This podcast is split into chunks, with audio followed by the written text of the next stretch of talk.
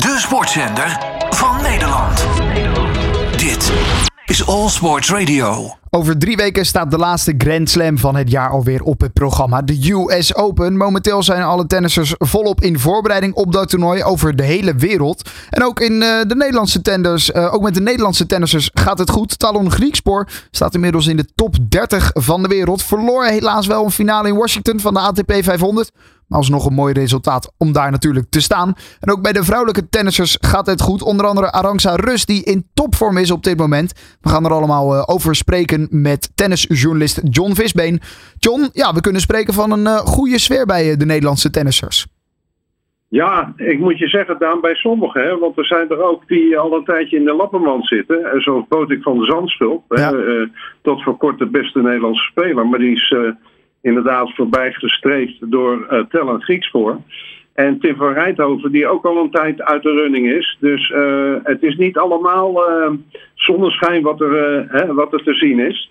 Maar, maar om met Griekspoor even verder te gaan. Ja, die heeft het fantastisch jaar. Ik bedoel, hij heeft al twee ATP-toernooien gewonnen. In Pune in India, het begin van het jaar. En halverwege uh, het voorbereidingstoernooi, gastoernooi op Wimbledon in Rosmalen, dat won hij. Ja. En uh, nou ja, hij had de primeur om nu in Washington uh, voor het eerst in een eindstrijd te staan van een 500 toernooi. 500 wil zeggen dat de winnaar 500 punten krijgt. Nou, dat is de op één na zwaarste categorie, zeg maar. Je hebt ook nog duizend toernooien, zoals deze week in Toronto. Ja. Maar om je een idee te geven, het ABN AMRO-toernooi, waar die dit jaar in de halve finale staan stond, dat is ook een 500 toernooi. Dus het was een heel groot toernooi. Ja, zeker. En um, een mooie finale plek daar dus gehaald. Uh, en ook voor het eerst in zijn carrière een top 10 speler uh, verslagen hè, tijdens dat toernooi. Ja, hij won van de Amerikaan Taylor Fritz. En dat is op zich al een mooie prestatie.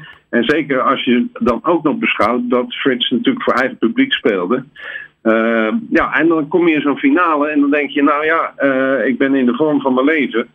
Ik zal die Daniel Evans ook even aan de zegenkart binden, maar dat, dat had die Brit een beetje anders gezien. Dus hij was eigenlijk, is die, is die niet in de buurt van de zege geweest. En het is niet zo vreemd, want hij had twee keer eerder tegen die Evans gespeeld en die partijen had hij ook verloren. Dus ja, het is misschien een soort van angstgekner uh, van hem. Die zijn spelletje goed door heeft.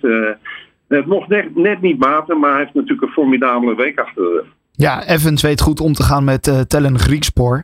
voor hem wel, ja, je zei het al, een geweldig jaar. begon volgens mij nog ergens rond plek 100. Staat nu op plek 26. Ja, hij...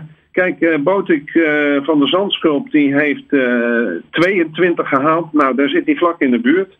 Dus hij is op de goede weg. Hij heeft helaas zijn goede week geen vervolg kunnen geven hè, deze week in Toronto. Want hij verloor gisteravond van Alexander Zverev, de Duitser. Nou is dat geen schande. Dat is natuurlijk de Olympisch kampioen. En die won onlangs weer een toernooi eindelijk. Na dat hij vorig jaar op Parijs door zijn enkel klapte. Dat was verschrikkelijk. En heel lang heeft operatie heeft ondergaan. En heel lang eigenlijk eruit is geweest.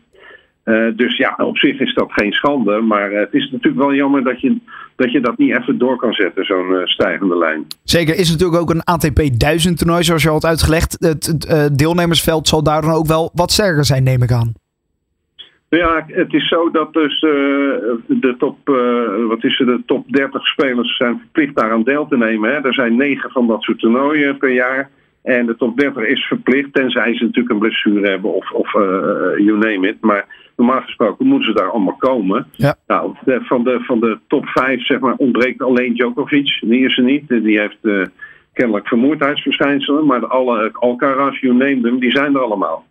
Ja, nou ja, en dat uh, is een sterk deelnemersveld. Uh, maar ja, goed, helaas uh, kon Talon niet verder komen dan die eerste ronde afgelopen, ja, gisteren, zoals je zei, inderdaad.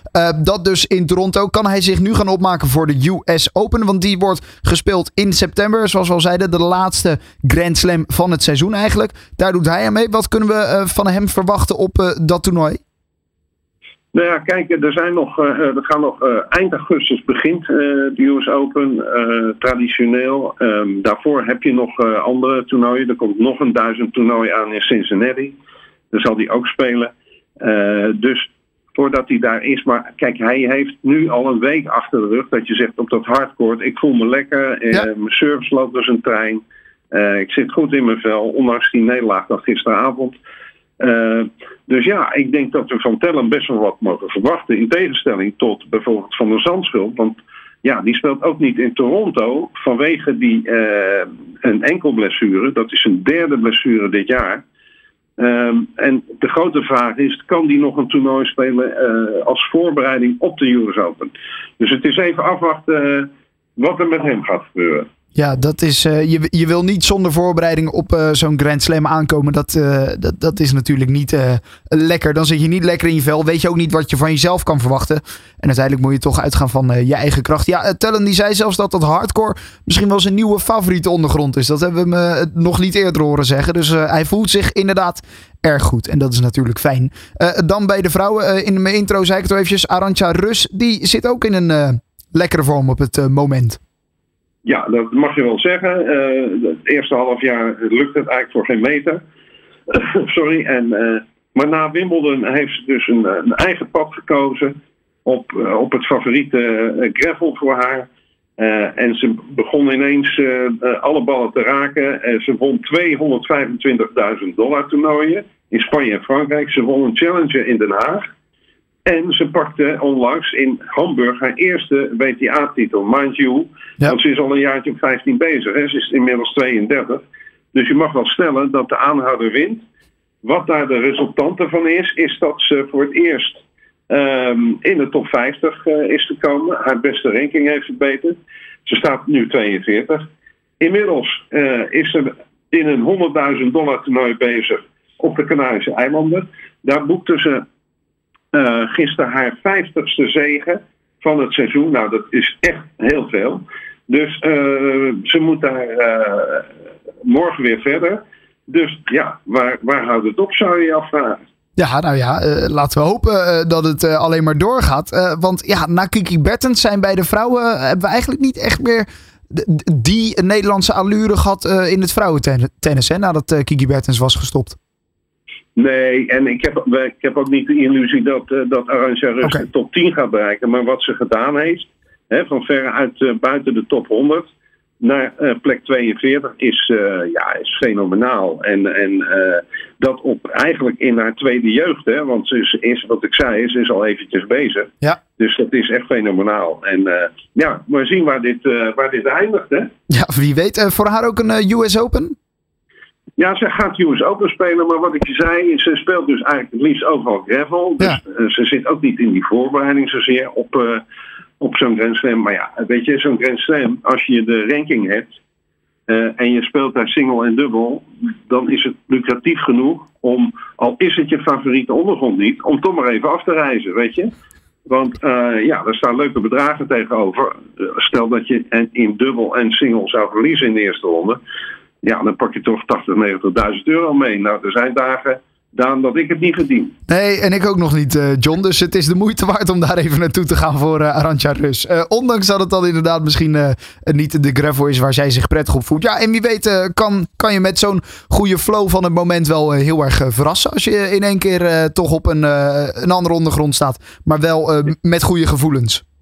Ja, dat zou zomaar kunnen. We gaan het allemaal eh, in de gaten houden. Eind augustus, begin september, dan uh, vindt uh, de Grand Slam US Open uh, plaats. en laten we hopen op mooie resultaten. Duurt nog eventjes. ze gaan zich er nog op voorbereiden. En tegen die tijd gaan wij jou ongetwijfeld daar nog wel een keer over spreken. John Visbeen, dank voor je tijd nu en een fijne dag vandaag. Hè.